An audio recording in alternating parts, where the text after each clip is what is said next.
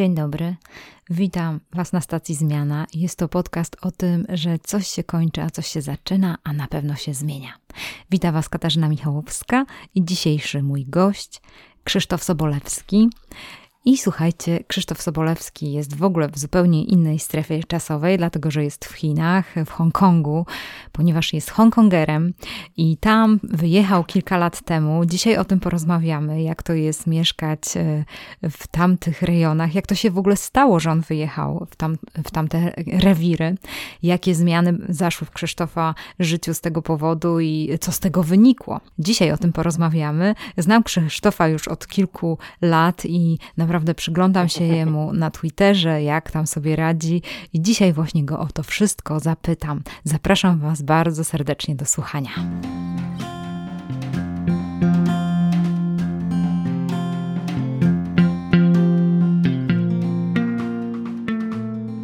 Dzień dobry Krzysztof, bardzo serdecznie Cię witam.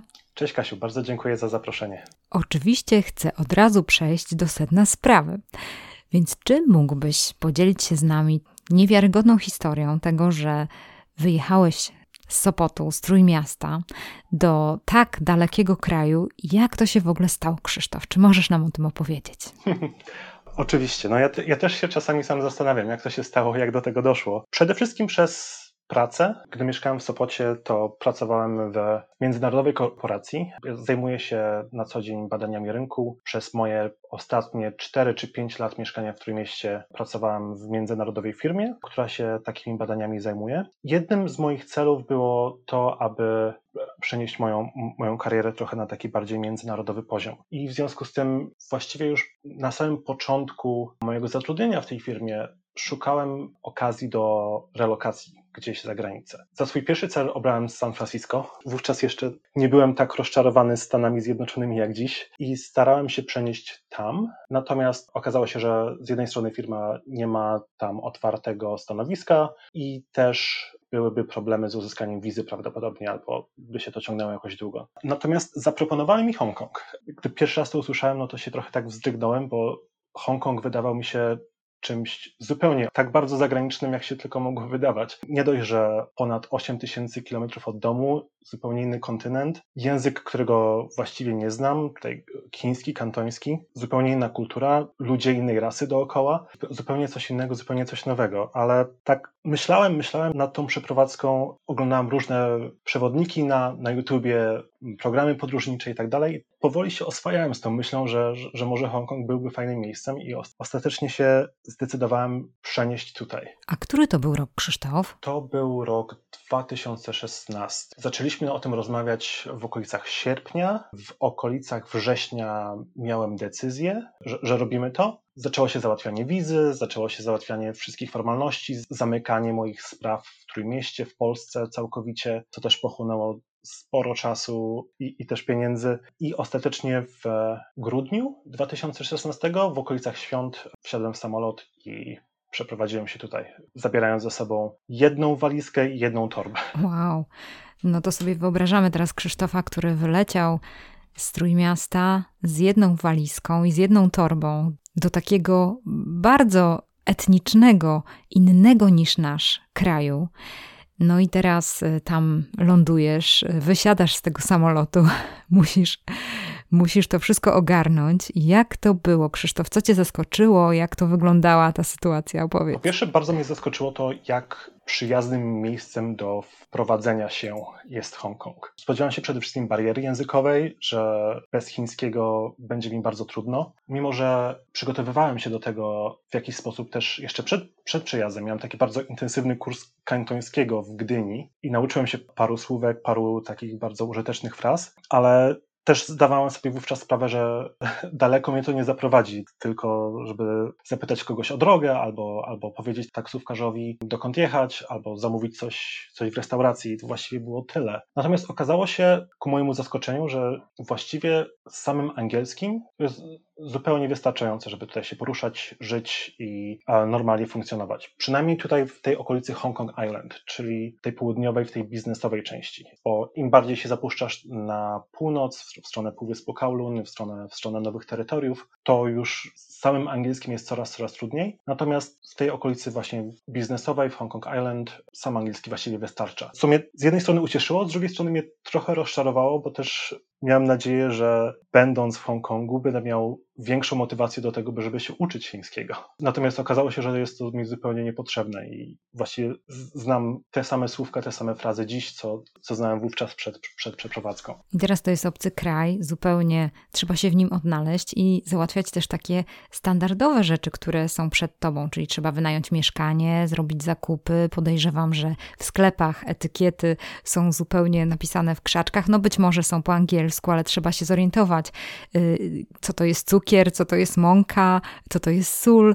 E, więc e, jak to wyszło, jeżeli chodzi o te takie mm, pierwsze twoje e, znajdowanie się w tym kraju? A, tak, to, to, zaczynając od mieszkania, to mieszkanie to jest w ogóle zupełnie taka czarna dziura, w którą możemy wpaść i, i nie wyjść z niej, bo to jest bardzo, bardzo, bardzo duży temat.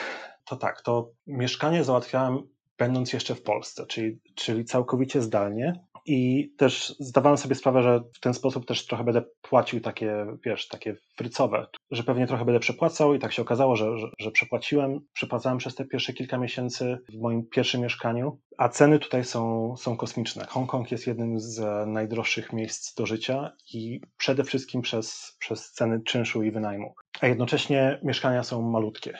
Moje pierwsze mieszkanie tutaj to miało około, no nie chcę skłamać, może 15-18 metrów kwadratowych, właściwie miejsce na łóżko, prysznic, i bardzo małe biurko do pracy i właściwie tyle. Więc to, z tą jedną walizką to się tam bardzo dobrze wpasowałem, bo, bo gdybym miał więcej rzeczy, to pewnie nie miałbym gdzie, gdzie ich umieścić. To tak, to, to mieszkanie załatwiłem zdalnie, no, natomiast jeśli, jeśli chodzi o takie codzienne rzeczy i zakupy, to, to tak, to właściwie marki są zupełnie inne tutaj. Marki sklepów tak samo, nie ma, nie ma Tesco, nie ma, nie ma żadnych innych rzeczy. Musiałem się nauczyć tego w ogóle, do jakich sklepów iść, by kupować e, konkretne rzeczy.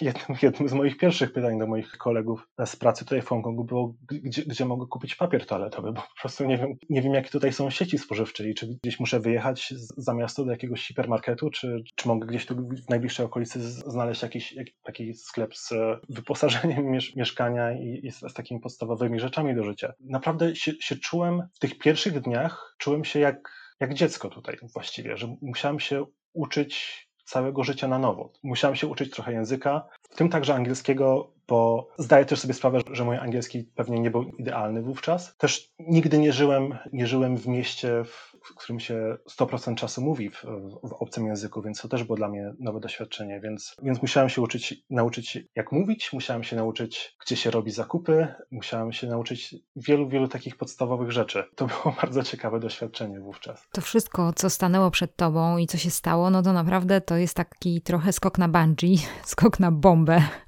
no to nie jest taki styl y, zmiany, która jest taka spokojna. Ciekawa jestem, czy ty lubisz sam zmiany, ale z drugiej strony widzę też i tak jak ciebie znam, to wydaje mi się, że ty jesteś raczej taką osobą, która przechodzi zmiany w taki sposób zaplanowany, że, y, że ty sobie y, to wszystko szykujesz, tak zresztą jak opowiadałeś o tym, jak wyjeżdżałeś z Polski, jak sobie załatwiłeś te różne rzeczy, jak to przemyślałeś. No i właśnie tutaj mam do ciebie pytanie, jak to jest u ciebie z tymi zmianami? To była bardzo duża zmiana. Ja jestem człowiekiem, który z, z, reguły nie lubi zmian. Generalnie najlepiej to jakbym miał swoją rutynę, w której się mogę trzymać, żeby mi nikt nie przeszkadzał, mogę robić swoje. Natomiast czułem w pewnym momencie, że jazda cały czas w tych samych kolejnach to mi trochę utrudnia życie i korzystanie z, różnych okazji i, i, doświadczeń, więc zmusiłem się i postawiłem się w sytuacji, w której po prostu muszę się nauczyć żyć z tą zmianą i się i dostosować, więc to był taki bardzo drastyczny środek, e, jeżeli o to chodzi, ale jednocześnie też przeprowadzając się do Hongkongu, też dawałem sobie drogę wyjścia, bo moim pierwszym planem było to, żeby przeprowadzić się tutaj na może 2-3 lata i potem wrócić do Polski, zgromadziwszy oszczędności być może kupić mieszkanie w Polsce ustawić sobie życie od nowa w Polsce. Taki był mój pierwszy oryginalny plan. Natomiast jak się później okazało, Hongkong jest pełen ludzi, którzy są w 20 roku, 15 roku swojego trzyletniego planu mieszkania tutaj. Moje życie też się tak potoczyło, że właściwie związałem się już na stałe z Hongkongiem, a na pewno z Azją, więc w najbliższym czasie prawdopodobnie się nie zanosi, żebym się przeprowadzał z powrotem do Polski. Ale Krzysztof, jeszcze wracam do tego, ponieważ ty y, jesteś też taką osobą, która y, pomaga ludziom w planowaniu swego budżetu i jesteś bardzo dobry w tym. Y, zapraszam wszystkich na Krzysztofa bloga mm, Metafinanse. Już od wielu, wielu lat prowadzi i y, opisuje, jak można zarządzać swoim budżetem. I Krzysztof zawsze widział mi się jako taka osoba metodyczna. On był taki planujący, zawsze zachęcał, tak samo jak zachęca nas do tego, żeby patrzeć na swoje wydatki, planować, y, w jakiś odpowiedni sposób do nich podchodzić. Tak samo wydaje mi się, że on tak metodycznie podchodzi do zmiany. Więc to jest ciekawe, czy to jest moja prawda o tobie, Krzysztof, takie odkrycie, czy jak ty się do tego przy, przygotowywałeś, jak myślałeś o tym, że chcesz zrobić taką wielką zmianę? Czy masz jakieś pomysły do tego, jak podejść do takiej dużej zmiany, tak jak przeprowadzka z Polski do Hongkongu? Hello! Tak, to jest takie metodyczne podejście bardzo mi pomogło, bo właściwie w tym czasie między, między wrześniem a grudniem, gdy się przygotowałem do wyjazdu, to właściwie rozpisałem sobie na czynniki pierwsze cały, cały ten projekt tej przeprowadzki, wszystkie rzeczy, które muszę zrobić, wszystkie rzeczy, które muszę zamknąć w Polsce, żeby ten proces przeprowadzki był możliwie jak najmniej stresujący. Rzeczy typu jakby zamykanie kont w banku, wysyłanie wniosków do, do Urzędu Skarbowego czy Izby Skarbowej, żeby załatwić wszystkie sprawy podatkowe, tłumaczenie wszystkich dokumentów też na wszelki wypadek, gdybym musiał na nowo szukać pracy już w Hongkongu po angielsku, więc e, tłumaczenie dyplomu e, ukończenia studiów, tłumaczenie świadectwa pracy, tego typu rzeczy. Mnóstwo takich formalności miałem, miałem do załatwienia przed wyjazdem. Jestem też przeszłemu sobie bardzo wdzięczny, że, że, że o te wszystkie rzeczy zadbałem, bo, bo ostatecznie się okazało, że, że wiele z tych przygotowań bardzo mi się przydało. Natomiast nawiązując jeszcze do tego skoku na bungee i do, do tych uczuć i emocji, które mi towarzyszyły w pierwszych dniach, tygodniach po przeprowadzce. Nie dość, że się przeprowadziłem w, w obce miejsce, ale też narzuciłem sobie taką zasadę, że będę mówił tak na każdą, każdą okazję i propozycję, która powiedzmy mnie spotka lub którą złoży mi ktoś, zaproponuje ze znajomych czy wśród, wśród moich e, kolegów z pracy. I w ten sposób, między innymi, zjadłem pewnie mnóstwo dziwnych, najdziwniejszych rzeczy. W ten sposób pierwszą podróżą była podróż do Makao. Pierwszy raz byłem w kasynie, pierwszy raz gra, grałem w blackjacka w kasynie, pierwszy raz skakałem na bungee z wieży obserwacyjnej. Po kilku tygodniach też moi znajomi z pracy się, się zorientowali, że, że się kieruję tą zasadą otwartości na właściwie wszystko i bardzo bardzo odważnie i bardzo chętnie z tego korzystali. Za co jestem wdzięczny i, i też dzięki temu miałem dużo, dużo takich ciekawych doświadczeń, których pewnie sam z siebie bym nie zrobił, a parę lat wcześniej bym się pewnie nawet siebie o to nie podejrzewał. To, o czym mówisz, to jest naprawdę bardzo ciekawe, bo mm, czasami tak może być w człowieku, że mimo wszystko, że jest osobą taką mniej chętną na zmiany, może nastąpić taki moment w życiu, że się otworzy na te zmiany i zaczyna trochę próbować. Tak jak mówisz, ty podszedłeś do tego, że powiedziałeś tak na wszystko, to nie znaczy, że całe życie będziesz mówił tak na wszystko, tylko po prostu to był taki przemyślany też moment, że, że chciałeś spróbować, chciałeś szybciej poznać to miejsce, w którym byłeś. Więc to jest ciekawe i właśnie jeżeli chodzi o te emocje, o których mówiłeś, to właśnie też mi się to tak kojarzy, że emocje mm, rosną, kiedy robimy sobie większy chaos i na przykład y, wyjeżdżamy, zostawiamy wszystko, nie planujemy, nie bierzemy żadnych, nie tłumaczymy tych rzeczy, które są nam potrzebne, dokumentów i tak dalej. No i zazwyczaj jest tak, że ktoś musi się o to zatroszczyć i ktoś się o to stresuje, może my mniej, ale prawdopodobnie bardzo mocno się stresujemy, więc takie metodyczne podejście na pewno zmniejsza stres, a takie właśnie na bombę, czyli taki, y, tu, tu zrobiłeś w takim jakby ograniczonej, no dałeś sobie taką granicę, że, że wtedy powiesz tak, ale właśnie już w tym będąc w Hongkongu i powiedziałeś na, na wszystkie rzeczy tak. No wiem, że to nie będzie, tak jak powiedziałam, wiecznie trwało, ale to jest też takie fajne, że można niekoniecznie, można się trochę bać zmian, ale można też właśnie otwierać się trochę na te zmiany, więc to jest super. To, to mówienie tak na wszystko to trwało, trwało kilka miesięcy. I tak jak mówisz, był to moment, w którym trochę z siebie wyszedłem poza siebie, natomiast dziś po tych, po tych czterech latach tutaj, ponad czterech latach, no to, to, to, już trochę wróciłem do siebie na pewno. Ale mam do ciebie pytanie, jak wygląda w ogóle taka twoje mm, życie towarzyskie tutaj w Hongkongu? Czy masz jakichś przyjaciół, czy oni, skąd oni są? Czy to są Polacy, czy to są ludzie z zagranicy, czy to są prawdziwi Hongkongerzy? Kto to jest? Zastanawiam się też, czy znasz ludzi z tych niższych klas, no bo takie nierówności społeczne też są ogromne w takim Hongkongu, to też na pewno widzisz.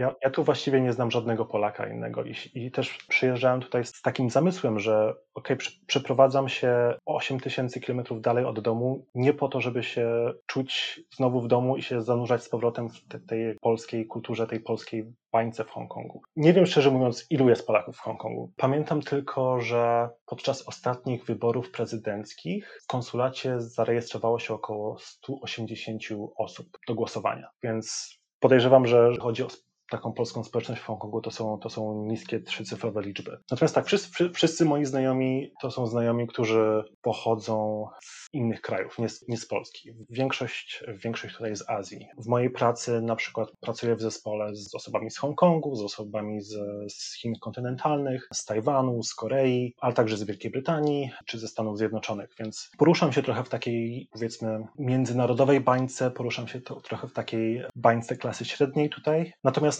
tak jak wspomniałaś, te nierówności społeczne są w, są w Hongkongu ogromne. Jest to jedno z miast czy, czy z regionów, w którym kapitalizm jest doprowadzony do, do takiego skrajnego punktu. I w tej skrajności widać, jak w, ta, jak w takiej soczewce, że te nierówności są naprawdę ogromne i są, są wręcz rażące, bo na porządku dziennym widać, jak przez ulicę przejeżdżają super samochody Lamborghini, Ferrari, Porsche, cokolwiek sobie wymyślisz z tych, z tych najbardziej prestiżowych marek, a jednocześnie wiele osób jest na granicy ubóstwa i, i, i, zarabiają naprawdę bardzo małe pieniądze. Ledwo by się tutaj utrzymać. W Hongkongu jest też cała społeczność pomocy domowych z Filipin i Indonezji które zarabiają stosunkowo małe pieniądze, mieszkają z właścicielami mieszkań, w których pracują i, i, gdzie pomagają sprzątać, robić zakupy, opiekować się dziećmi. Te pomoce domowe są, są wynagradzane bardzo, bardzo nisko i też często słyszy się i, i, i czyta się w, mediach, w internecie, że, że, że, też nie są traktowane najlepiej. One mają też jeden dzień wolnego w tygodniu tylko, w niedzielę. Jako, że nie, nie mają własnego miejsca, miejsca do życia, właściwie mają pewnie tylko jakiś mały pokoik w tym mieszkaniu, w którym pracują, to jak wychodzisz w niedzielę na miasto, gdzieś tutaj w dzielnicy Central, czy, czy w Wan Chai, czy w Causeway Bay, po prostu widzisz te tłumy osób, które rozpościerają swoje kocyki, czy, czy kartony na ulicy, na chodnikach i zajmują właściwie całe dzielnice, jakby piknikując i wypoczywając. To jest ich dzień wypoczynku i spędzają go właściwie w taki sposób, że spotykają się ze swoimi znajomymi na mieście, ale nie na mieście, że gdzieś w restauracji, czy, czy w klubie, czy w barze, czy gdziekolwiek, tylko po prostu rozkładają kartony na chodniku i robią sobie taki swego rodzaju piknik. E, Hongkong jest bardzo, bardzo drogim miastem do życia, szczególnie ze względu na, na koszty mieszkań, koszty wynajmu. Ceny są tutaj naprawdę astronomiczne, a, a mieszkania są, są mikroskopijne.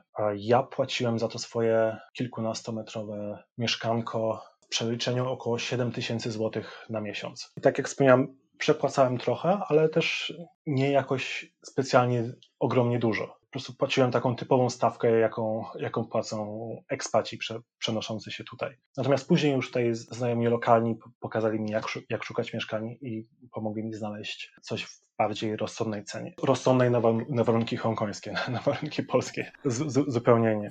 Dzięki Krzysztof za to, że się dzielisz i opisujesz, jak to wszystko wygląda. Dziękuję też bardzo za ostatni wpis na Twoim blogu, którego też właśnie podlinkuję tutaj w naszej rozmowie, bo Krzysztof dzieli się takim doświadczeniem bycia, życia w tym drogim miejscu i z tym, że przyszła pandemia, utracił pracę i teraz musiał ją na nowo znaleźć. I no to też wiąże się z wielkim stresem, zwłaszcza, że no nie masz takiej możliwości, że wrócisz do mamusi, chociaż prawdopodobnie może była taka myśl, że, że y, wracam do Polski, ale jednak zdecydowałeś się na to, żeby szukać tej pracy i, i jakoś sobie z tym poradzić, więc to też była taka stresowa sytuacja i bardzo bym chciała, żebyś mógł o tym trochę nam powiedzieć, żebyśmy mogli też się trochę utożsamić z tym, ale też zrozumieć, y, jak to jest w takim miejscu y, się odnaleźć. Na szczęście nie, nie byłem w tym sam i nie musiałem sobie sam radzić, bo jakby duży, du, dużym wsparciem takim psychologicznym i mentalnym była w tym czasie moja żona, ale... A, no to super. Tak, natomiast to moje, moje poszukiwanie pracy trwało około pół roku i, i, bardzo nieszczęśliwie się złożyło właśnie z tą, przede wszystkim z tą pandemią, bo firma, co do której miałem największe nadzieje, na początku roku ogłosiła zamrożenie wszystkich etatów. Mimo, że byłem już w dość zaawansowanym etapie rekrutacji, to wszystko nagle zostało zamrożone i bez żadnej informacji czy przewidywania, kiedy możemy wznowić ten proces. Więc musiałem się zacząć rozglądać za alternatywami. Koniec końców udało mi się, udało mi się znaleźć pracę w, w tej firmie, w której początkowo chciałem, no ale wiązało się to z długim czasem czekania i nawet wówczas, gdy już to zamrożenie e, etatów zostało wyłączone i, i, firma wznowiła rekrutację, to tak się nieszczęśliwie złożyło, że w tym samym czasie, gdy ja właściwie już podpisywałem kontrakt, to okazało się, że liczba nowych przypadków zachorowań dziennie w Hongkongu drastycznie wzrasta z dnia na dzień.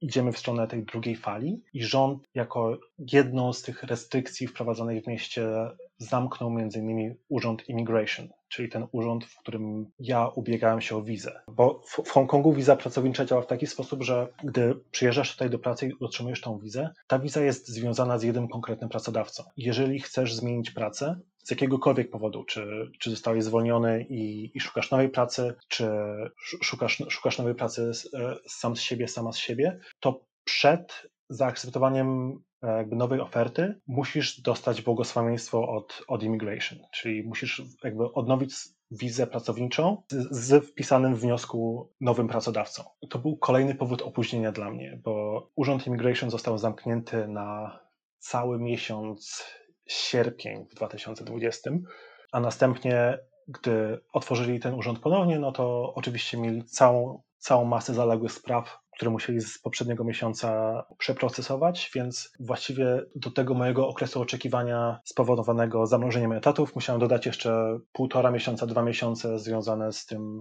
że nie mogłem dostać wizy. Więc niestety to, to się złożyło dość, dość nieszczęśliwie i byłem dość jakby to ładnie ująć, no, w złym humorze to, to pewnie jest zbyt delikatnie powiedziane. Natomiast z drugiej strony wiem, że znosiłbym ten okres pół roku bez pracy, bez dochodu znacznie, znacznie gorzej, gdyby nie ta moja dyscyplina finansowa, którą, którą pracuję od wielu, wielu lat i którą od wielu, wielu lat opisuję na swoim blogu.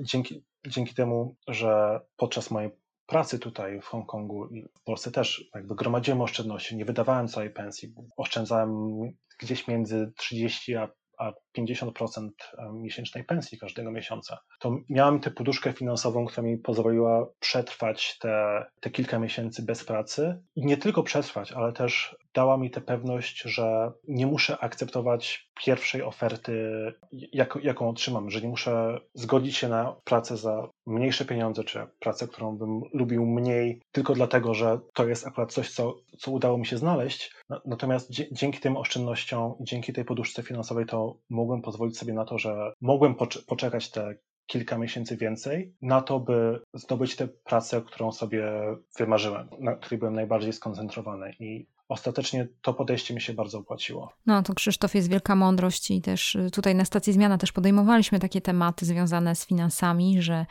no warto to przewidywać, że kiedy jednak chcemy dokonać zmiany, a zazwyczaj no nie będziemy zawsze pracować w jednej pracy, że warto mieć tą poduszkę finansową i gdzieś tam odkładać jakiś na jakiś fundusz albo poszukiwać jakichś miejsc, żeby odłożyć sobie jakąś określoną kwotę, tak jak powiedziałeś y, tak, o tej poduszce finansowej dla ciebie. I to na pewno spowodowało, na pewno było to i tak bardzo dużym stresem, ale pewnie spowodowało trochę zmniejszenie tego stresu związanego ze zmianą. Tak to sobie wyobrażam, ale podejrzewam, że, że to przeszedłeś tam, to naprawdę E, przeszedłeś i, i, no ale z drugiej strony to jest twoje i, i, takie doświadczenie, może też takie uwierzenie w siebie, że dasz radę, że, że sobie poradzisz, że sobie razem poradzicie. No i właśnie ciekawi mnie to, na ile zrobiłeś, Krzysztof, oszczędności, jak ty sobie zaoszczędziłeś, na, na jaki czas? Moim celem było, by mieć oszczędności pozwalające na ponoszenie wszystkich wydatków przez 12 miesięcy, czyli przez cały rok. No i z pewnością taka poduszka finansowa daje no,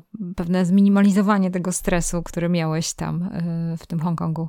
Tak, choć oczywiście jakby nie stresujesz, to też nie, nie mówię całej historii, bo stres zawsze był, tylko, tylko że na pewno był mniejszy. No tak, no tak. Patrzenie, jak pieniądze ubywają z konta każdego miesiąca, to, to oczywiście nie jest przyjemne, ale gdy ubywają z oszczędności, to jest to mniej złe niż gdy musisz szukać pieniędzy, gdy, gdy ich nie masz, brać kredyty, zadłużać się. To by mnie postawiło w znacznie gorszej sytuacji wówczas. No właśnie, tutaj taka się sytuacja pojawia, że y, są finanse, no i ty je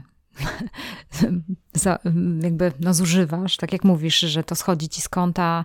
Oczywiście widzisz każdego miesiąca, że jest coraz mniej, coraz mniej. No wiadomo, że jesteście też we dwoje z żoną, no to na pewno jest trochę łatwiej, ale jednak mimo wszystko, no nie wrócisz do mamy, nie wrócisz do Polski, nie? Już się zdecydowałeś, żeby tam mieszkać, no mimo wszystko tak sobie wyobrażam, że, że tak jak zresztą powiedziałeś, że chciałeś tam być jakiś czas i później wrócić do Polski, a jednak zdecydowałeś się, że chcesz tam zostać i i bierzesz to jakby ze wszystkimi konsekwencjami, dobrymi i złymi, z tym właśnie, że trzeba czasami szukać pracy i się stresować, ale już nie wracasz. Tak, tak. Pewnie ta moja wersja siebie sprzed kilku lat z tym pierwszym oryginalnym planem odnośnie przeprowadzki, to ten Krzysztof sprzed trzech, czterech lat pewnie by rozważał coś takiego, że właśnie ok, skończyła się ta, ta pierwsza praca, no to teraz szukajmy czegoś, czegoś innego gdzieś indziej. Natomiast tak się, tak się moje życie potoczyło, że, że się związałem właściwie permanentnie z Hongkongiem i z Azją. Ożeniłem się tutaj na miejscu i moja żona w tym czasie, w którym ja nie miałam pracy, to ona też była tuż po zmianie, zmianie pracy i też buduje swoją karierę tutaj w Hongkongu i oboje wiążemy swoje życie, swoją najbliższą przyszłość z Hongkongiem, chociaż Hongkong na, nam tego za bardzo nie ułatwia, biorąc pod uwagę tutaj ostatnie polityczne, polityczne warunki w mieście i, i w regionie. No właśnie Krzysztof, czy możesz coś więcej powiedzieć na temat sytuacji y, politycznej w Hongkongu, jak to wygląda teraz, jak to wyglądało teraz ostatnio też? Hongkong w 2019 roku przeszedł bardzo wiele, bo nie wiem, czy, czy słyszałaś, czy, czy, czy słuchacze słyszeli o protestach związanych ze zmianami w prawie w Hongkongu. Gdzieś na początku 2019 roku rząd Hongkongu chciał wprowadzić nowe prawo ekstradycyjne, które między innymi pozwalałoby na ekstradycję podejrzanych do Chin kontynentalnych z Hongkongu, co wzbudziło tutaj w lokalnej społeczności ogromne obawy, bo ludzie tutaj generalnie nie, nie darzą chińskiego systemu prawnego dużym zaufaniem, delikatnie mówiąc. I ta proponowana zmiana w prawie wzbudziła wielkie protesty w społeczeństwie. Jeden, jeden z, z marszów protestacyjnych, które odbyły się w mieście, mówi się, że, że, że zgromadził około miliona do dwóch milionów uczestników w 7,5 milionowym mieście. Więc skala protestów była ogromna. Skala reakcji ze strony, ze strony rządu, ze strony władz też była ogromna i eskalowała z każdym, z każdym kolejnym protestem, bo te protesty ciągnęły się właściwie przez cały 2019 rok. To, co się działo, to na początku te protesty nie były w żaden sposób właściwie aktywnie tłumione. Była obstawa policji, oczywiście, jak, jak to zwykle bywa w takich sytuacjach, natomiast nie dochodziło do jakichś agresywnych przemocowych eskalacji. Gdy wystrzelono pier pierwsze pociski z gazem łzawiącym, to to było wielkie, wielkie wydarzenie, wielkie oburzenie w mediach. Natomiast z każdym kolejnym procesem ta skala reakcji ze strony policji, ze strony władz eskalowała. Policja stawała się coraz bardziej brutalna, gaz właściwie był na porządku dziennym, nawet w tych najbardziej zaludnionych, przeludnionych, gęsto zaludnionych dzielnicach to tutejsza policja za nic miała względy bezpieczeństwa i obywateli. I ten gaz pojawiał się nie tylko, nie tylko jakby na otwartym powietrzu, ale też były sytuacje, gdzie policjanci wystrzeliwali pociski z gazem na stacjach metra na przykład, co jest bardzo niewskazane. Pojawiały się coraz to nowe przypadki coraz bardziej przemocowych i brutalnych reakcji ze strony policji. Na, na Twitterze czy w mediach społecznościowych pojawiały się filmiki pokazujące, jak policjanci zrzucają protestujących ze schodów w metrze, jak strzelają pociskami z gazem z wysokości, strzelają w głowy, ta sytuacja eskalowała aż, aż do momentu, w którym na ulicach pojawiały się też armatki wodne i to nie tylko z wodą, ale tak, z taką taką żrącą trochę substancją, powodującą dy dyskomfort na skórze, ale nie tylko dyskomfort, to była też woda barwiona, więc oblewali tą wodą protestujących, barwili ich na, nie, na niebiesko, żeby potem ich wyłapać gdzieś, gdzieś, gdzieś już po proteście. Eskalowało w ten sposób i eskalowało jeszcze bardziej aż do sytuacji, w których policjanci używali ostrej amunicji, amunicji i kilkoro protestujących zostało postrzelonych. Bardzo nieciekawa była ta sytuacja polityczna i jakby społeczna w mieście przez ten 2019 rok. Rząd ostatecznie się wycofał z tego nowego prawa ekstradycyjnego, natomiast to tłumienie protestów w brutalny sposób, tłumienie opozycji w brutalny sposób właściwie trwa do dziś. Jednym z przepisów, które rząd Hongkongu wprowadził podczas trwania tych protestów, gdy, gdy ludzie zasłaniali twarze maskami, był zakaz noszenia masek w, w miejscach publicznych. To było jeszcze przed pandemią. Natomiast teraz, w czasie pandemii, mamy też nakaz noszenia masek w miejscach publicznych. Natomiast tego poprzedniego zakazu rząd nie wycofał, więc jesteśmy chyba jedynym, jedynym miejscem na świecie, gdzie noszenie masek jest jednocześnie nakazane przez rząd i nielegalne. Takich absurdów jest strasznie dużo i dziś już rząd się nie kryje ze swoimi intencjami, z tym, w jakim kierunku chce prowadzić to miasto. W zeszłym roku miały się odbyć wybory do tutejszego parlamentu w Hongkongu. Partia opozycyjna przed tymi wyborami zorganizowała prawybory, wyłonić jakby kandydatów, którzy będą mieli największe szanse w walce z, obozie, z obozem rządowym. Wybory przeprowadzono, wyłoniono kandydatów. W kolejnych tygodniach rząd zaczął proces aresztowań tych kandydatów i organizatorów tych prawyborów e, z partii opozycyjnej. Dlaczego? Bo e, tłumaczyli to w taki sposób, że skoro partia opozycyjna się organizuje i wyłania kandydatów, którzy mają największe szanse zdobyć mandat w parlamencie, to znaczy, że ta partia opozycyjna będzie utrudniać w parlamencie pracę rządowi, że nie wszystkie inicjatywy rządu łatwo przejdą przez parlament. Być może nawet opozycja będzie chciała wyłonić własny rząd, czyli dąży do, do obalenia rządu, czyli według prawa o bezpieczeństwie narodowym jest to działalność wywrotowa. I na, naprawdę do, takich absurdalnych sytuacji tutaj dochodzi. Patrzę na to z, jakby z dużym smutkiem i z, z, dużą obawą. No tak, Krzysztof, no ciężko zapomnieć, gdzie mieszkacie, że mieszkacie w Chinach tak naprawdę, że, że to nie jest tak, że, że to jest jakieś inne miejsce, chociaż wiem, że tak się myśli o tym, ale jednak to bardzo mocno takie sytuacje o tym przypominają. No, jednym, jednym z bardzo popular, popularnych powiedzeń wśród Hongkongerów jest to, że Hongkong is not China jeżeli chodzi o lokalną społeczność, to oni mają naprawdę tutaj taką bardzo, bardzo wykształconą lokalną tożsamość, oddzielną od Chin. W Hongkongu mówi się też innym językiem.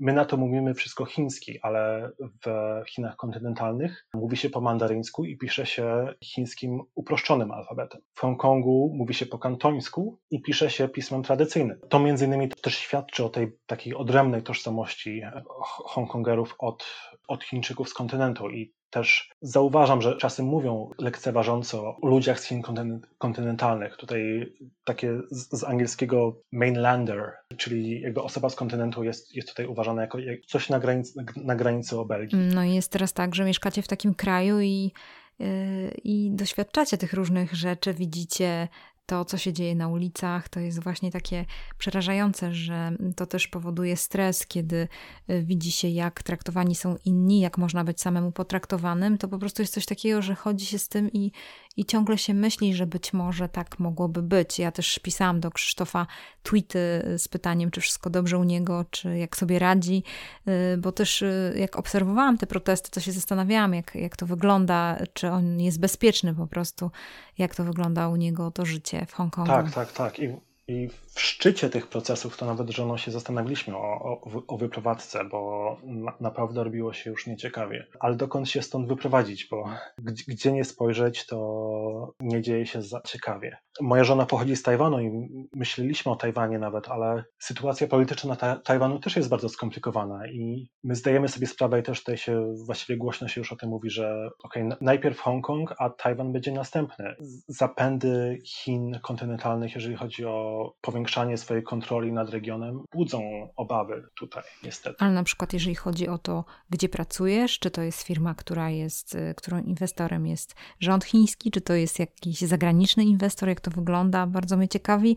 No a też y, kwestia tego mm, zaciskania mm, zaciskania pętli na szyi Hongkong, Hongkongerom, no to też e, przecież jest takie ryzyko. Chiny się przecież mają ryzyko tego, że przecież od, odpłyną inwestorzy, więc wydaje mi się, że no, że chyba raczej mm, mam nadzieję, że ta sytuacja będzie sta się stabilizowała, że ona raczej będzie mm, y, coraz bardziej spokojna niż będzie y, szła do takich y, rozruchów i takich protestów na ulicach. No zobaczymy, jak to będzie wyglądało. No ale właśnie mnie ciekawi, jak pracujesz, w jakiej firmie pracujesz tam? A, nie, firma, w której pracuję, ona ma swoją siedzibę główną w Stanach Zjednoczonych, więc z tej strony jest dobrze i, i też kultura pracy też nie jest taka jakby stuprocentowo chińska, jest tam trochę mieszanka zachodnio-wschodnia. Trochę zmieniając temat, tak się zastanawiam nad takimi sentymentalnymi rzeczami, no bo mówi się, że każdego dotyka taka tęsknota za krajem i y, to jest takie, no takie coś, że jesteś daleko od Polski, czy, czy tęsknisz za Polską? Jak to wygląda u ciebie? Czego ci brakuje? Mm, oj, bardzo, bardzo tak. O, przede wszystkim ze znajomymi, bo ze względu na różnicę czasu i, i, dystans bardzo, bardzo trudno jest aktywnie utrzymywać znajomości. Różnica czasu jest między Polską a Hongkongiem 7 do 8 godzin, w zależności od pory roku. Hongkong akurat nie zmienia, nie zmienia czasu na zimowy czy letni. Różnica czasu między Polską, Polską a Hongkongiem wygląda, wygląda różnie w ciągu roku. No i tak, no i te, te, te 7-8 godzin to, to robią wielką różnicę, bo kiedy ja się budzę, to wy jeszcze śpicie. Kiedy ja kończę pracę, to wy macie chyba mniej więcej akurat porę lunchu. Kiedy wy kończycie pracę, to ja właściwie już, już śpię. W ciągu, w ciągu tygodnia bardzo trudno jest znaleźć termin, który by jakby pasował na rozmowę, więc właściwie w grę wchodzą tylko weekendy. I jakby z, z większością, jeżeli, jeżeli nawet nie ze wszystkimi znajomymi, to najczęściej rozmawiam przez Messengera, czy przez, przez maile, czy taka asynchroniczna komunikacja, że, gdzie każdy może odpowiedzieć w czasie, który mu najbardziej pasuje. Nie trzeba jakby synchronizować kalendarzy i umawiać się na konkretny termin. Więc to, to, to jest jedna z takich największych trudności, z którą się tutaj mierzę. A poza tym to oczywiście bardzo tęsknię tęsknię za, za swoimi ulubionymi miejscami, bardzo tęsknię za, za Sopotem i za, i za Polskim Morzem. No tak, taka tęsknota to jest y, no po prostu tak, tak bywa. No ona po prostu jest, jeżeli się wyjeżdża, jest fajnie, że ty tam jesteś, masz pewnie super, super fajne doświadczenia i tak dalej, ale po prostu trzeba się nauczyć żyć z tą, z tą uczuciem tego, że jesteś y, poza Polską, że nie możesz patrzeć, jak rosną dzieci twoich przyjaciół, że nie możesz obserwować, jak jak y, to się tak procesowo zmienia, tylko tak skokowo, kiedy przyjedziesz do Polski, więc no, z tym trzeba się nauczyć żyć, to prawda. I właśnie w tym kontekście e, bardzo mnie ciekawi, za czym byś tęsknił, jakbyś wyjechał do Polski, jakbyś wrócił do Polski. Tak, mam podzielone serce i czuję cały czas, że jestem w takim trochę rozkroku, bo nie, nie jestem już Sopocianinem, ale też nie czuję się w pełni, w pełni Hongkongerem, więc ani Sopot nie jest moim miastem już, ani Hongkong nie jest moim miastem jeszcze i tak się czuję gdzieś pomiędzy tymi dwoma miejscami i trudno mi się odnaleźć czasami. Natomiast to, za czym bym tęsknił w Hongkongu, to, to chyba przede wszystkim jedzenie, bo to jest naprawdę ogromna różnorodność, ogromna różnorodność, jeżeli chodzi o jedzenie, o różne, o różne kuchnie. Możesz tu znaleźć potrawy naprawdę z całego świata. Oczywiście wszystkie różnego rodzaju potrawy azjatyckie, od tak, koreańskich, chińskich, hongkońskich, japońskich, e, wietnamskich, a przez potrawy europejskie, kuchnie europejskie. Jest tu w Hongkongu, co, co mnie zaskoczyło, jest bardzo du duża i, i, aktywna społeczność francuska. Jest też bardzo dużo francuskich restauracji. Oczywiście to są restauracje amerykańskie, jakby różne, różne globalne sieci, które też, też możesz znaleźć gdziekolwiek indziej na świecie. Więc różnorodność, jeśli chodzi o kuchnię, jest, jest ogromna. Tak, tak samo różnorodność, jeżeli chodzi o skalę i klasę restauracji, bo w Hongkongu, i to sprawdzałem jeszcze wczoraj, jest dokładnie 69 restauracji, które mają co najmniej jedną gwiazdkę Michelin. W, w Polsce nawet nie wiem, jedna, dwie, jeżeli jakiekolwiek. Więc w Hongkongu możesz znaleźć bardzo fajny lunch czy, czy kolację w cenie 50 do 100 dolarów hongkońskich, czyli tam 25 do 50 zł w takich jakby lokalnych, małych restauracyjkach, do kolacji za jakby kilka tysięcy złotych w, w trzygwiazdkowej restauracji, więc ta rozpiętość jest, jest, jest naprawdę ogromna i, i jest w czym wybierać i jest czego doświadczać, co, co mi sprawia bardzo, bardzo dużą przyjemność. Czyli rozumiem, że raczej Hongkongerzy jedzą na mieście, tak? Że to tak wygląda, że nie gotują w domu. Jak to wygląda, powiedz? Tak, tak, tak. W Hongkongu jest ogromna kultura jedzenia na mieście. W dużej mierze wynika to z tego, że mieszkania są takie małe. Właściwie nie ma miejsca na to, by gotować w domu. W tym pierwszym mieszkanku, w którym, w którym ja mieszkałem tuż po, tuż po przeprowadzce na tych, na, na tych kilkunastu metrach, to właściwie miałem tylko czajnik do zagotowania wody i właściwie tyle jeżeli chodzi o kuchnię i mały zlew i właściwie tyle. Więc jedzenie na mieście było niejako koniecznością, ewentualnie jedzenie z dostawą do domu. To tak czy inaczej polega się na restauracjach. Ta scena restauracyjna w, w Hongkongu jest tak rozwinięta i tak różnorodna, między innymi dlatego, że, że właśnie jest taka ogromna potrzeba, by się, by się stołować na mieście. A, no to fajnie macie, bo jak tak sobie wyobrażam teraz, jakbyśmy chcieli w Polsce pójść sobie do jakiejś restauracji, to jest to ciągle niemożliwe.